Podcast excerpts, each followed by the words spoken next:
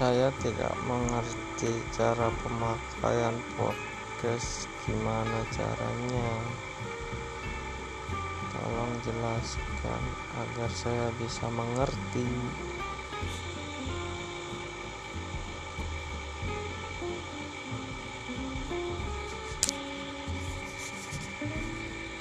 Tolong jelaskan cara pemakaiannya caranya gimana? Langkah-langkahnya